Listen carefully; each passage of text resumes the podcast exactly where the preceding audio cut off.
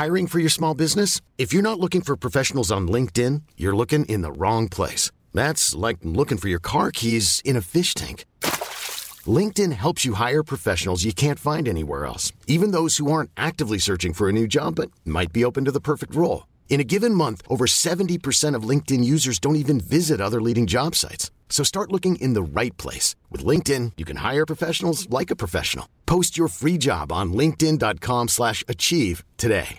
Hey, Dave. Yeah, Randy. Since we founded Bombus, we've always said our socks, underwear, and T-shirts are super soft. Any new ideas? Maybe sublimely soft. Or disgustingly cozy? Wait, what? I got it. Bombus. Absurdly comfortable essentials for yourself And for those facing homelessness. because one purchased equals one donated. Wow, did we just write an ad? Yes. Bombas. Big comfort for everyone. Go to bombas.com slash ACAST and use code ACAST for 20% off your first purchase. Velkommen til fjerde episode av podkasten Tid er penger, en podkast med Peter Warren. Jeg er produsent Sverre, og podkasten er laga i samarbeid med IG Markets. IG Markets er en tilbyder av finansprodukter i de aller fleste markeder på jorda. Så enten du ønsker å trade noe i Asia på kort perspektiv, eller du har lyst til å handle eh, norske produkter på langt perspektiv, så har de mye å tilby. I forbindelse med denne podkasten så vil Peter Warren svare på noen spørsmål sendt inn av kunder i IG Markets. De her blir også samla opp på ig.com no warren og noen av spørsmålene blir besvart på denne podkasten. Det er også mulig å høre på hele podkasten på den hjemmesida. Så hvis du også har lyst til å, å sende inn spørsmål, så er det den sida du går til, og så går du og sender inn spørsmål på et sånn eh, skjema der. I dag skal vi ha to spørsmål. Og de eh, blir eh, Dessverre, Peter Warren er, i utlandet akkurat i dag, og vi hadde ikke mulighet til å gjøre opptak med han, men jeg fikk eh, han til å sende svar likevel på de her spørsmålene. Så før vi går i gang med å snakke om hvordan aksjemarkedet, eller hvordan finansmarkedet eh, Du kan handle i om aksjer er liksom det eneste som gjelder, så skal vi bare snakke litt, litt om bitcoin og litt om valutahandel. Så det første spørsmålet kom fra en eh, kunder IG, en svensk kunde, som spør om eh, bitcoin og generelt kryptovaluta. Hva Peter Warren syns om det, om han har, noe, har noen tanker om det. Så kan jeg bare lese opp svaret han sendte til meg via eh, mail nylig. Når det gjelder kryptovaluta, så har, for, for, har vi foreløpig ikke nok data til å ha en formening om deres egenskaper, og således hva en, de eventuelt kan hedge. De, jeg registrerer imidlertid at du påpeker fordelen ved nær umiddelbart oppgjør, og her er jeg enig. Det er samtidig, samtidig verdt å merke seg at denne egenskapen oppstår som følge av blokkjedeteknologi, og at denne er løsrevet fra de ulike kryptovalutaene. Spørsmål nummer to, innsendt av en norsk kunde av IG Markets. Hvordan kan du kjøpe og selge i tilnærmet samme sekund, når spreaden i f.eks. valutakryss er for stor til å gjøre nettopp det? Og her er Peter Warren sitt svar. Vi fullfører i dag valutahandler, kjøp og salg eller salg og kjøp, på langt under ett sekund. Dette gjelder først og fremst i hovedvalutaparene. Profesjonelle aktører har gjerne adgang til aggregatorer, systemer som tar inn valutakurser fra alle hovedplattformene, og genererer en prisstrøm med minimal spread. Ofte er prisen choice, dvs. Si kjøp- og salgskurser er like. Dette skjer ved at banker som stiller priser, ikke vil handle med hverandre. Dette er vanskeligere å få til eh, i de mindre likvide valutakryssene, hvor spredden mellom kjøps- og salgskurs er større. Der må man som ofte sitte på posisjonene mye lenger. Så da skal vi gå i gang med hovedinnholdet av dagens podkast, som handler om aksjer og hvordan man vurderer aksjer i det totale bildet av investeringer. Det, det er mer der ute enn en bare aksjer. Og eh, jeg vil også oppfordre, hvis det, er, hvis det finnes noen der ute som er kanskje litt mer fans enn snittet, så har vi ei Facebook-gruppe som nylig oppretta, som foreløpig aldri har blitt markedsført. Så hvis du søker på tittelen på podkasten 'Tid er penger' på Facebook, så kan du bli medlem av gruppa. Da kan du stille spørsmål og diskutere med hverandre. Og... Så det er noe vi tester. Se om det er noe etterspørsel etter det. Så hvis du er interessert, 'Tid er penger' på Facebook. For tre-fire år siden så skrev du, jeg tror det var i twittermelding eller en blogginnlegg, som fikk meg til å tenke på noe. Forandra egentlig mitt syn på aksjehandel. Eh, da var det et eh, nordnorsk selskap som jeg tror heter Northern Resources, eller et eller annet sånt. Det var et gruveselskap, i hvert fall. som hadde gjort så Altså som dårlig Dårlig administrasjon, dårlig forvaltning av kapital, dårlig De gjorde masse feil. Sånn at uh, du hadde da investert av en eller annen årsak, altså ikke du da, men en person, og, og man bare ser her at verdiene eroderer. Og da sa du noe sånn som at hvorfor ikke bare investere direkte i stål, eller direkte i jernmalm, eller direkte i det underliggende, når du også da eventuelt girer den eksponeringa, hvis du ønsker det, i stedet for å ta en veldig sånn skyggelagt eh, eksponering mot et selskap der du rett og slett ikke vet hva de, hva de kommer til å gjøre. Og det har jeg tenkt på i mange år, og når vi har begynt å jobbe med denne podkasten, så har spørsmålet uh, dukka opp for meg er Bør man Bør privatpersoner noen gang investere i aksjer?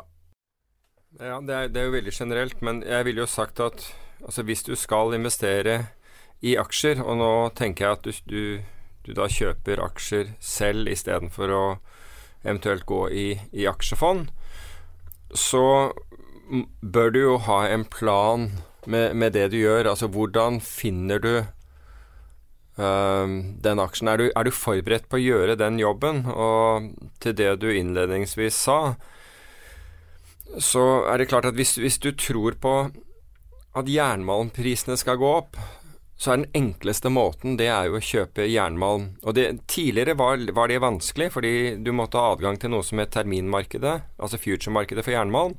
Men i dag så har man faktisk børsnoterte fond som kun har jernmalm, kun har gull, kun har olje osv. Slik at du kan gå og kjøpe de som en vanlig aksje. Det folk, men det folk isteden gjør, det er at de, de kjøper da et, et selskap som de kanskje ikke kjenner økonomien til, eller ledelsen, Eh, for å få seg den eksponeringen. Det er egentlig jernmalm eller olje de er opptatt av. Og så går de og kjøper et selskap. Og hvis det da selskapet har en høy gjeldsgrad, um, så spiller jo det en stor rolle. For det kan være at hvis ikke selskapet har cashflow, så renner, av, uh, så renner pengene ut. Og så selv om de, de sitter på disse naturressursene, så, så, har de ikke penger til, til å drive. Og bankene kommer til å ta, uh, ta over eh, verdien i selskapet. På samme måten Altså, du, du, tar jo på en måte risiko på en hel haug av andre faktorer enn det du er ute etter.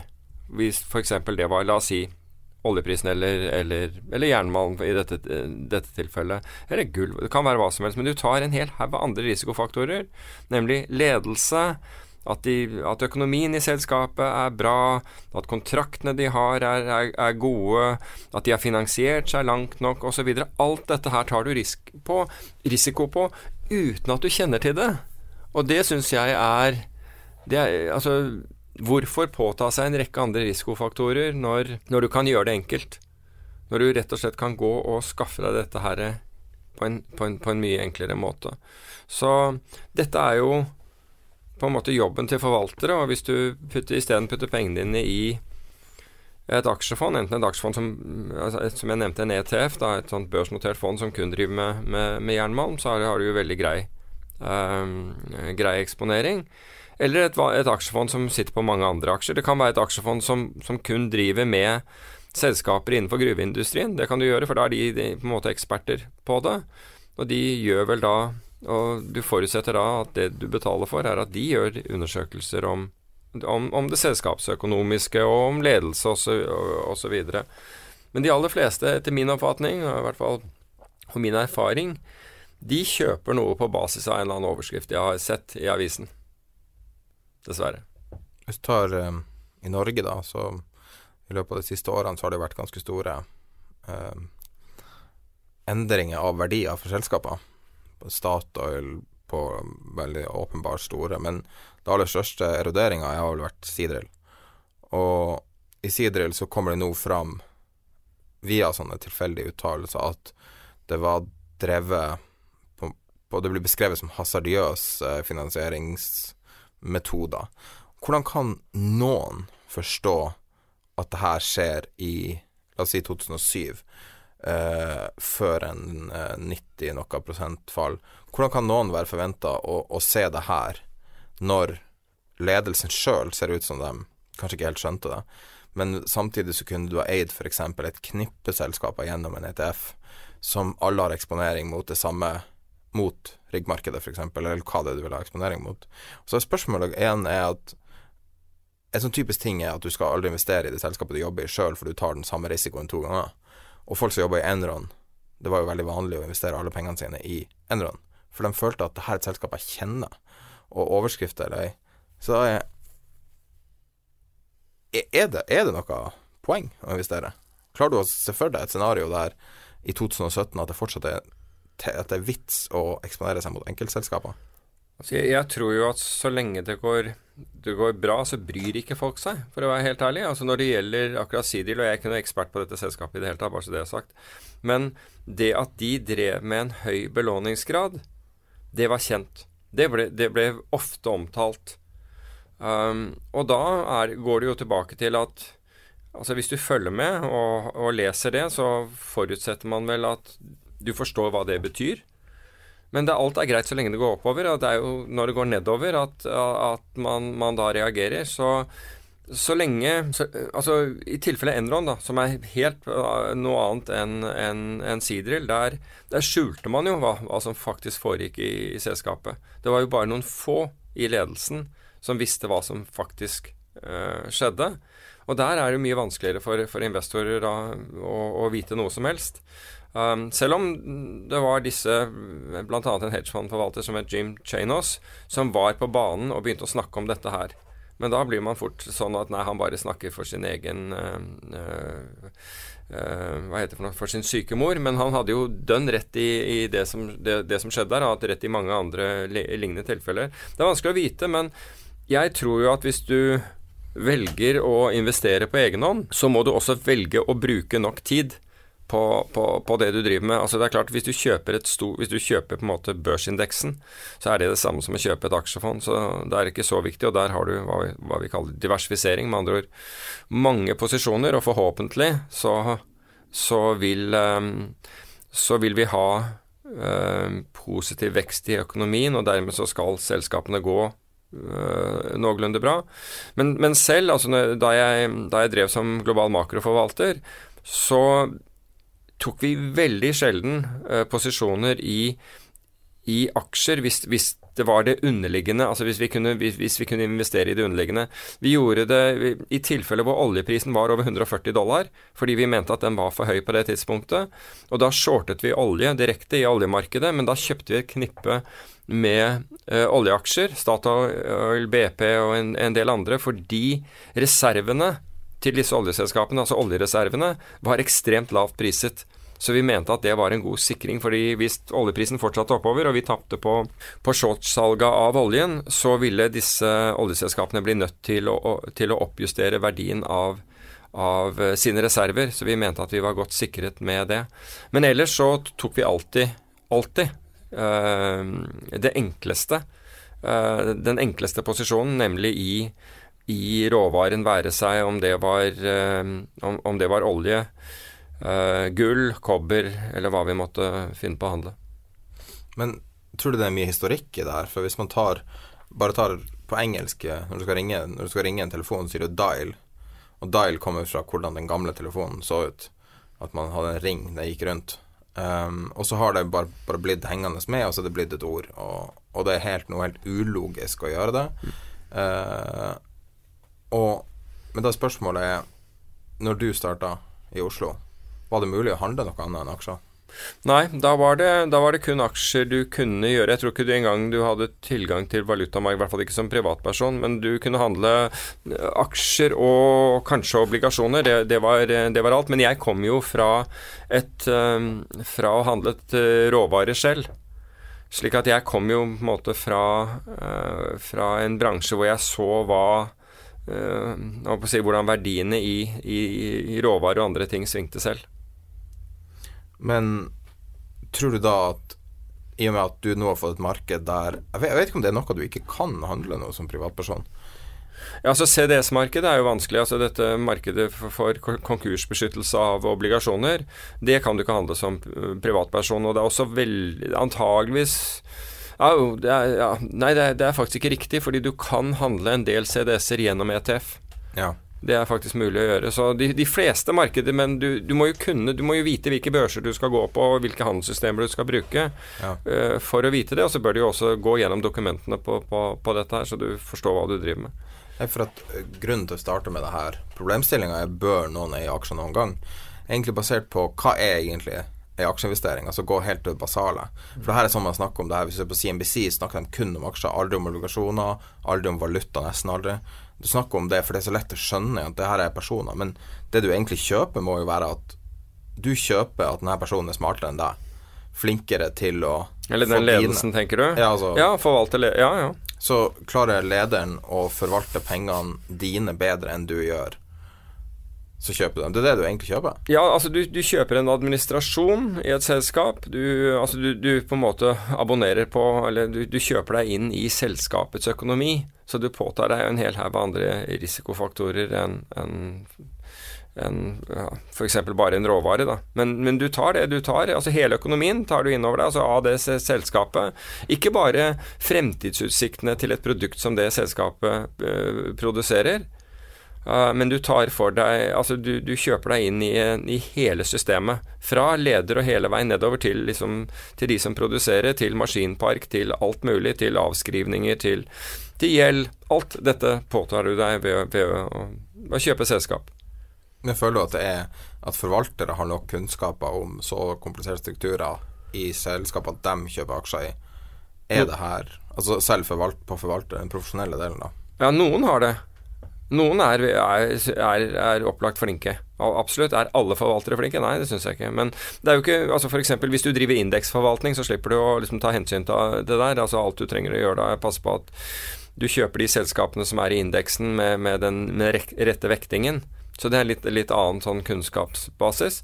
Så- men så har du også Du har jo flinke norske analytikere, du har flinke forvaltere, men du må også huske på at i og med at norske eh, aksjemarkedet er dominert av De fleste aksjemarkeder er dominert av, eh, av forvaltere som, som sitter da Altså, ikke, altså Hvis du er i et norsk aksjefond, da, for å ta det på den måten, så, er, så uansett hva som skjer med de selskapene, altså uansett hva som skjer med økonomien Du kan selge enkeltselskapet, men du kan ikke selge porteføljen din. Altså, så hvis du tror at verden er i ferd med å gå til helvete, så kan du ikke selge deg ut, for det tillater ikke fondsregelverket at du gjør det.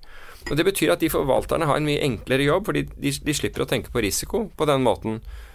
De syns at det er helt feminalt hvis, eh, å være ned 35% hvis børsen er ned 37% Da syns de har gjort en kjempejobb. Um, mens hvis du driver med absolutt forvaltning, og egentlig så de aller fleste investorer er jo ute etter absolutt avkastning, med andre ord at de vil jo helst tjene penger i alle mulige situasjoner, så er det ikke håp om å gjøre det. Men aksjemarkedet over tid har vist seg å, å, å stige, fordi vi er avhengig av økonomisk vekst osv. Og, så og dermed så blir man tilgitt eh, disse tingene. Og, men det er, en, det er en mye enklere oppgave å drive det vi kaller relativ forvaltning, altså du forvalter relativt til en indeks hele tiden. Um, kontra å drive absolutt forvaltning, hvor du må, du, hvor du må begrense tap. Helt klart. Men, men forvaltere er som sjåfører. altså Det finnes gode sjåfører og det finnes dårlige sjåfører, og sånn gjør det blant forvaltere også. Men hva vil du råde eh, folk med sparepenger å gjøre? Hvordan, hvordan vil du tilnærme deg som Så Hvis de ikke har glødende interesse for, eh, selv for aksjemarkedet og syns at det er altså, det, det, det er noe du liker å holde på med og liker å gjøre disse undersøkelsene, så ville jeg latt en forvalter ta meg av, av de pengene, gjøre den der eh, beslutningen. Det, det, fordi Altså hvorfor ikke Altså Når du kommer hjem fra jobb, du, hvis du forutser Presumptivt så har man en annen jobb enn en, en forvaltning eh, selv, eh, de fleste investorene. Og da, da Det å sette seg ned og begynne å gjøre og skal konkurrere med For det er egentlig det du gjør. Du sier at 'jeg tror at jeg kan gjøre den der jobben bedre enn en, en profesjonell forvalter'. Eh, kanskje kan du det, men du skal bruke fenomenalt mye tid på det hvis du, hvis du skal gjøre det.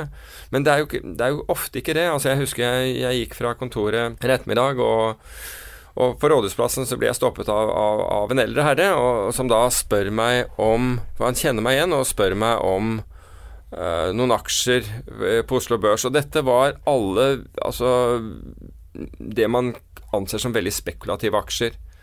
Og så spurte jeg han, altså for det, et, tatt, tatt i betraktning alder, altså hvorfor han, hvorfor han investerte i den type ø, aksjer. Altså Dette var ikke ting som da ga jevne utbytter og var solide. Altså Det var ikke, det var ikke liksom Statoil, Orkla, den type uh, DNB eller hva det måtte være, type aksjer. Det var høyspekulative aksjer. Og da var svaret hans Nei, han syntes det var litt moro å drive med, og litt spennende. Og det er klart at moro og spennende, det er underholdning. Så da har du tatt, har du tatt skrittet fra å drive med, med investering over i underholdningsbransjen. Og det vi vet, er at når går du på kino eller i teatret, på operaen eller uh, spiser middag ute, så koster det penger. Og det vil dette sannsynligvis gjøre også. Da koster det penger. Da må du forvente at, at uh, det koster deg penger, men du, kan ha det veldig moro. Og hvis det er verdt det, så er det jo greit. Det kan jo på en måte sammenlignes med å, å bytte ut poker med sjakk. Det ene er der du sannsynligvis taper penger på å gjøre noe du syns er artig, men så bytter du over til sjakk der det ikke er penger involvert, men det er omtrent like artig. ja, ja, mulig. Um, altså, jeg tror at Og det er mange tradere som har behov for underholdning også. Altså, de, de, det er adrenalinet som driver dem. Og det er en farlig greie. Fordi det får deg altså, Det får deg til å gjøre mange feil ting. Blant annet altså, du skal hevne deg på markedet når du går mot og du skal doble opp posisjoner når de går mot deg osv.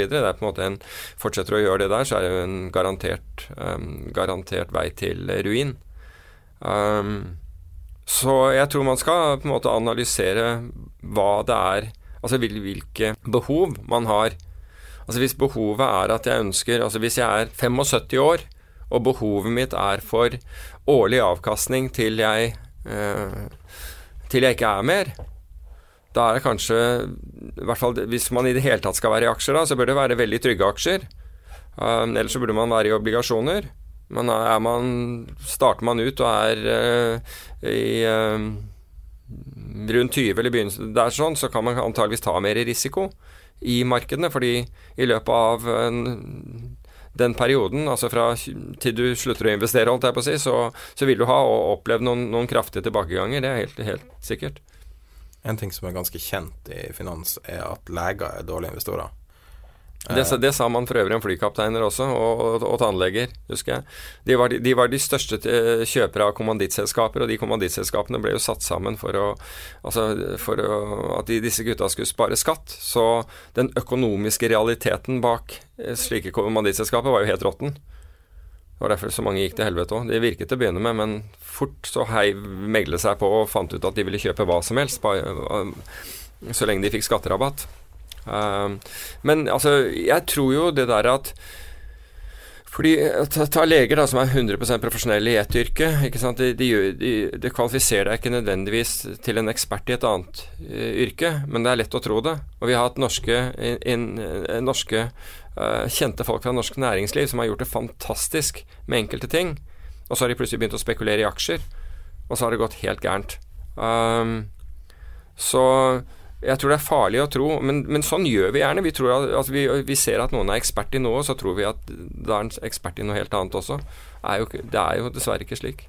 Jeg tror du må bruke nødvendig tid og, og, og, krefter på å lære deg noe nytt. Man ser om man faktisk klarer å, klarer å, å forvalte det og gjøre gjør det bra innenfor det.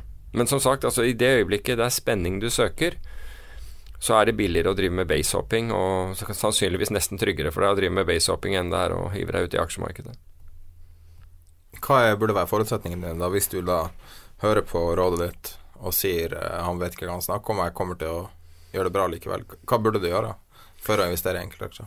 Nei, altså, hvis du, altså, La oss si at du har stor tro på deg selv, og det er jo greit å ha.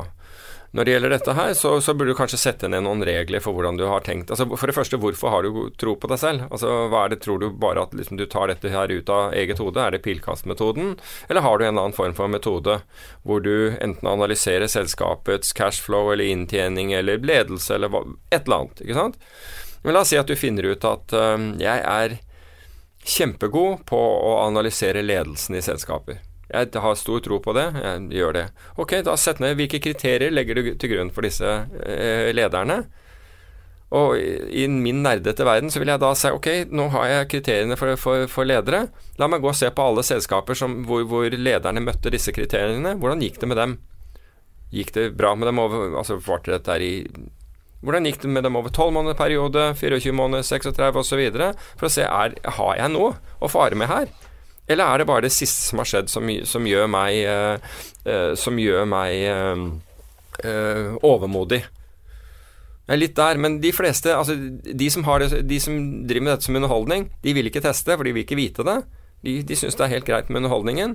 De som er nøkterne investorer, og som virkelig er ute etter avkastning, de gjør jobben. Så enkelt er det. De, de faktisk gjør den nødvendige jobben for å i hvert fall Det betyr ikke at, at de er sikret suksess, men de går i hvert fall og stiller spørsmål ved, ved på en måte sin modell, da. Fordi det vil være en modell hvis du klarer å, å komme opp med kriterier for ledelse, eller kriterier for verdijustert egenkapital skal aldri ikke sant, altså Børskurs i forhold til bokførte verdier, da, f.eks.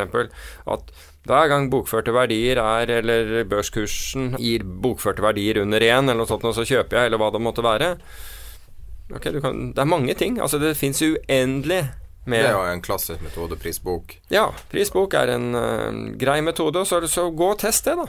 Men greiene er med prisbok, hva gjør du i de syv årene hvor prisbok er for høy? Da er du antageligvis ikke med i det hele tatt.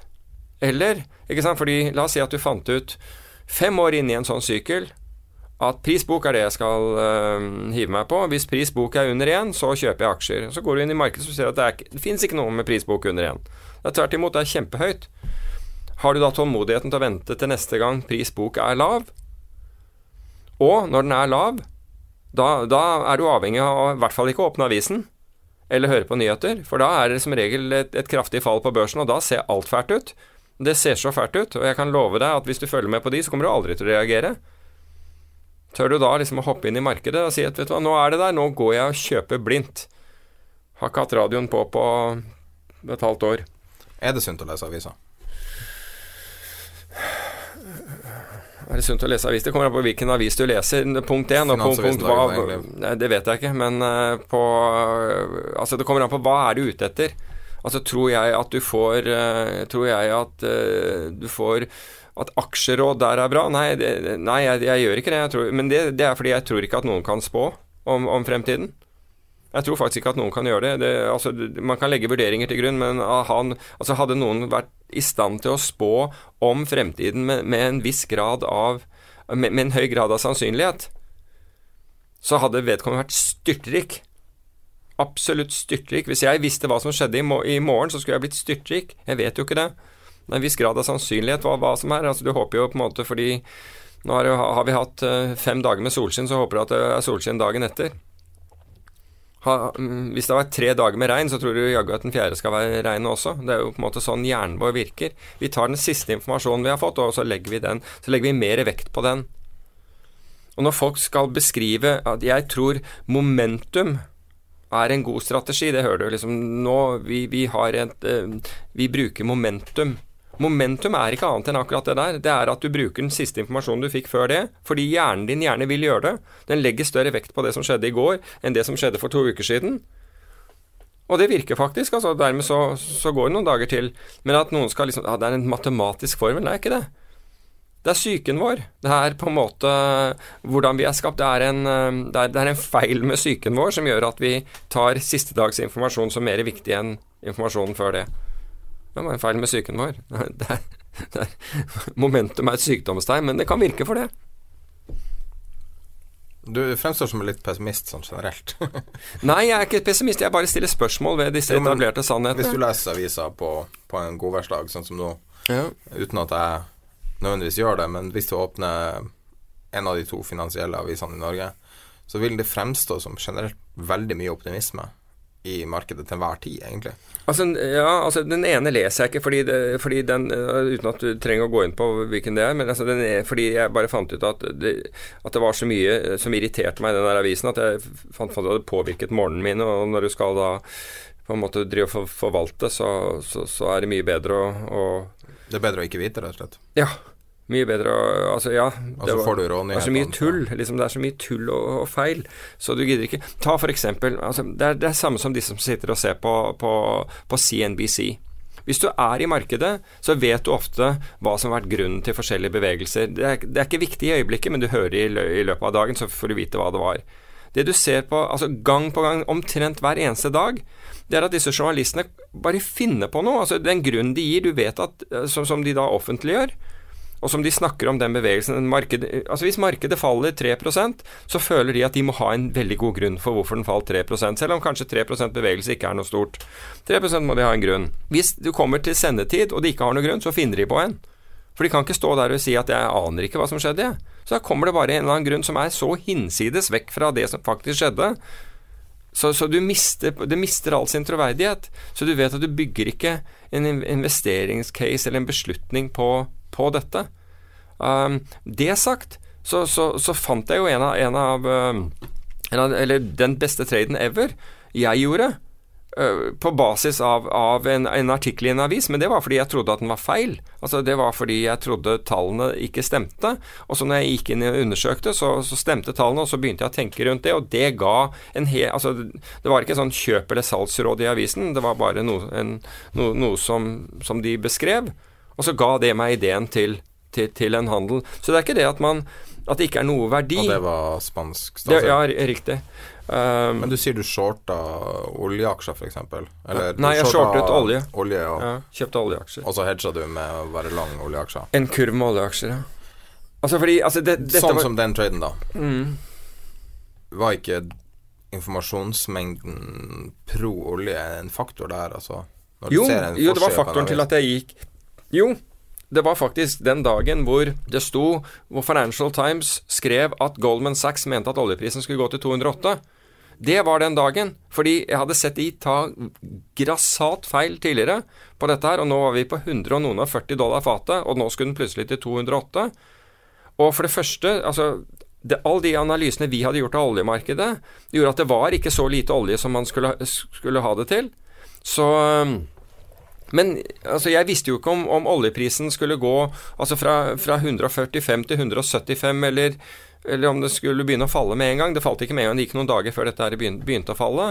Men tatt i betraktning at jeg ikke visste dette Altså, Goldman kunne jo hatt rett. Uh, hva, hva det? det? Det er fullt mulig, men derfor så hadde vi også den sikringen av å kjøpe en kurv med med oljeaksjer under det, altså solide oljeselskaper med store reserver som vi visste var den gangen vurdert helt nede på 70 dollar fatet. Det virker som en interessant og en, en, en veldig attraktiv eh, sikring i forhold til om jeg tok feil på oljen. Så Men en sånn type trade i et veldig Det man vil for enkelhets vil kalle et bullish marked, ja. uh, hvordan blir det møtt? Blir det møtt med forakt? Folk vil jo at alt skal stige. Det er jo noe i menneskelig natur som vil at du vil at ting skal gå bra, ja. i anførselstegn. Ja, altså, jeg kommuniserte ikke med folk om, om sånt. Ja, vi, vi, handlet alt dette her elektronisk. Um, Kunder? Um, nei, i dette tilfellet så merket de ikke før, før, alt var gått Før vi hadde tjent mye penger på det. Så ja. da var det jo greit, liksom. Men, uh, men uh, Nei, jeg fant ikke at Altså, kunder etter, ville ikke som regel ikke uh, komme Altså, de, de fikk månedlige rapporten, og der, der, skrev jeg ganske utførlig om hva vi, hva vi, hadde tjent penger på, eventuelt hva vi hadde tapt penger på, og, og ofte begge deler. Um, men det var ganske sjelden at noen tok kontakt om det, men i finanskrisen så var det jo helt håpløst. Da, da, jo, da hadde jo folk en mening hver eneste dag. Konklusjon?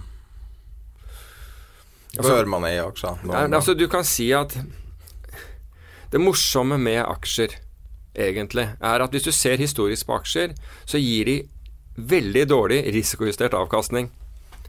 Det gir dårligere enn obligasjoner og dårligere enn de meste, men alle skal være i aksjer.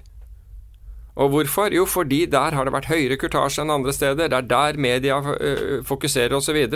Men fra 1971 til 2016 så har statsobligasjoner gitt en mye bedre risikojustert avkastning enn aksjer. Og det er helt fantastisk, men ingen har blitt anbefalt å kjøpe statsobligasjoner. Vi, men hva er risikojustert avkastning? Se for deg at du har At du skal, at du skal, du skal handle mat i dag for 1000 kroner. I den ene butikken du står foran to butikker, og den ene er mye rimeligere enn den andre. La oss si at kvaliteten er, er den samme, men den ene er mye rimeligere enn den andre. Du går inn i den som er rimelig. I aksjemarkedet så går du inn i den som er dyrest. For hvis du, hvis du har Er det et et risiko reklame-issue? Ja, jeg mener at det er rett og slett hypen rundt aksjer, men vi har jo behov for at folk investerer i aksjer. Vi har jo behov for at selskapene får, får penger. Og konsentrasjonen på informasjon dreier seg om aksjemarkedet, ikke sant. Så det er, derfor, det er det du hører hver eneste dag. Hvis du åpner disse, disse økonomiske avisene, så er det jo liksom, eller de som driver med finans, så er det aksjer det handler om. Det er ingen som sier de, Ingen kommer med obligasjoners fortreffelighet i de. Bare så det er sagt, så er renten på obligasjoner så lav nå at, at det er sannsynlig, selv om den har begynt å stige Man skal være veldig forsiktig der. Men det er mange Altså, de aller fleste ting gir en bedre risikojustert avkastning enn aksjer. Så hadde du for det risikobudsjettet du har, kjøpt obligasjoner og giret det slik at du fikk samme risiko som på aksjer, med andre du svingte like mye som aksjer, hadde du tjent vanvittig mye mer fra 71 til 2016 enn du har gjort på aksjer. Men det gidder ingen å fortelle deg. Og ingen, ikke sant? Fordi det skal dreie seg om aksjer. Det heter jo på en måte ikke det, det er jo, De er jo ikke investeringsmeglere, de er aksjemeglere. Er, ikke sant? Han har jo ikke tenkt å, å anbefale deg noe, no, noe annet. Men vi har behov for, altså for all del, vi har behov for at, eh, for at eh, norsk næringsliv og selskapene eh, får inn kapital. Det har vi. Men risikojustert mm. Burde du være den som gir dem den kapitalen? Burde Burde du være den som gir deg den kapitalen? Ja, jeg håper å si, Hvis ikke jeg, jeg håper å si, altså Hvem er det som skal gjøre det? Altså Staten kan ikke gjøre det. Men det, det som hadde vært hyggelig, var jo låne penger. Hva sier du? Jeg kan låne penger. Jeg kan låne penger, men hva, hva skal sikkerheten være hvis det er mitt hus? Og, eller du mener de selskapene kan låne penger? Ja, da er de i obligasjonsmarkedet, Ja, faktisk. Men er er lån en bedre struktur enn en aksje?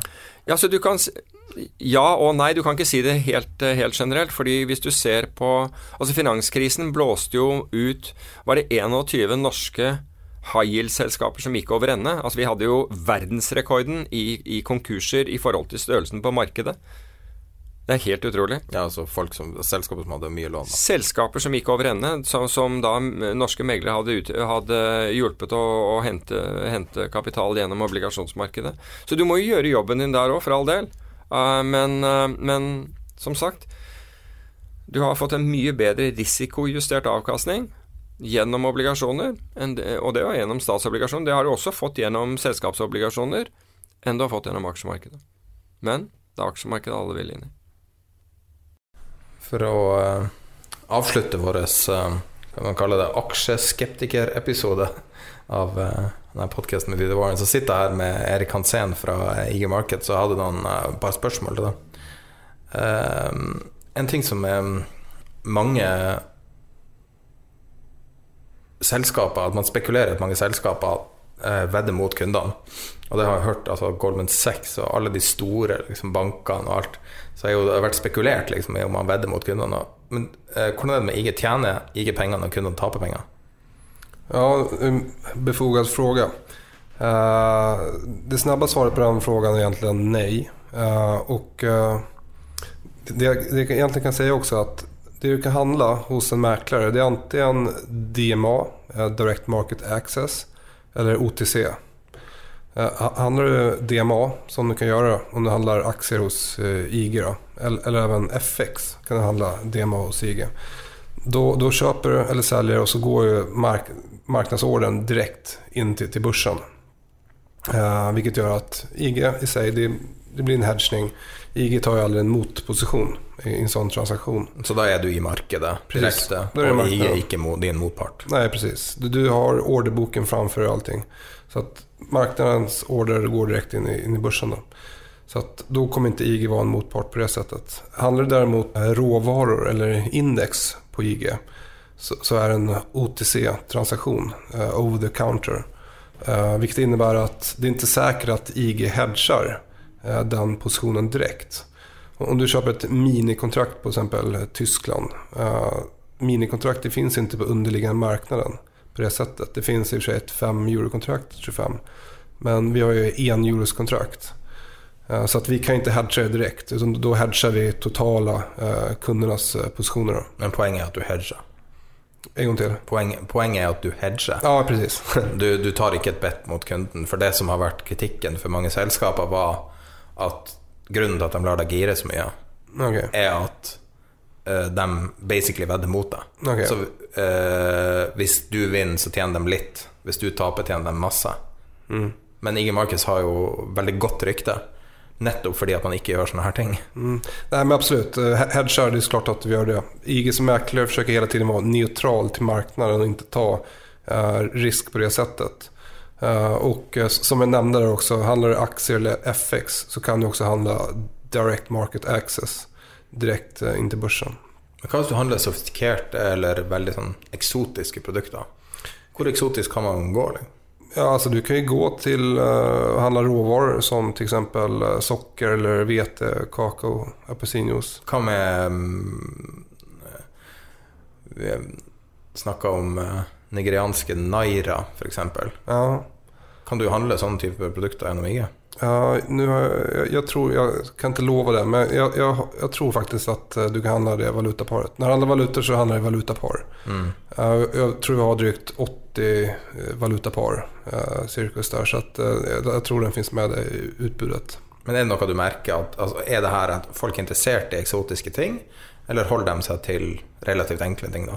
Alltså i, i- grund och botten så eh, om man kollar på, på Skandinavien så de flesta handlar ju DAX-index, vilket är index över Tysklands börsen då. Det är det, det vanligaste.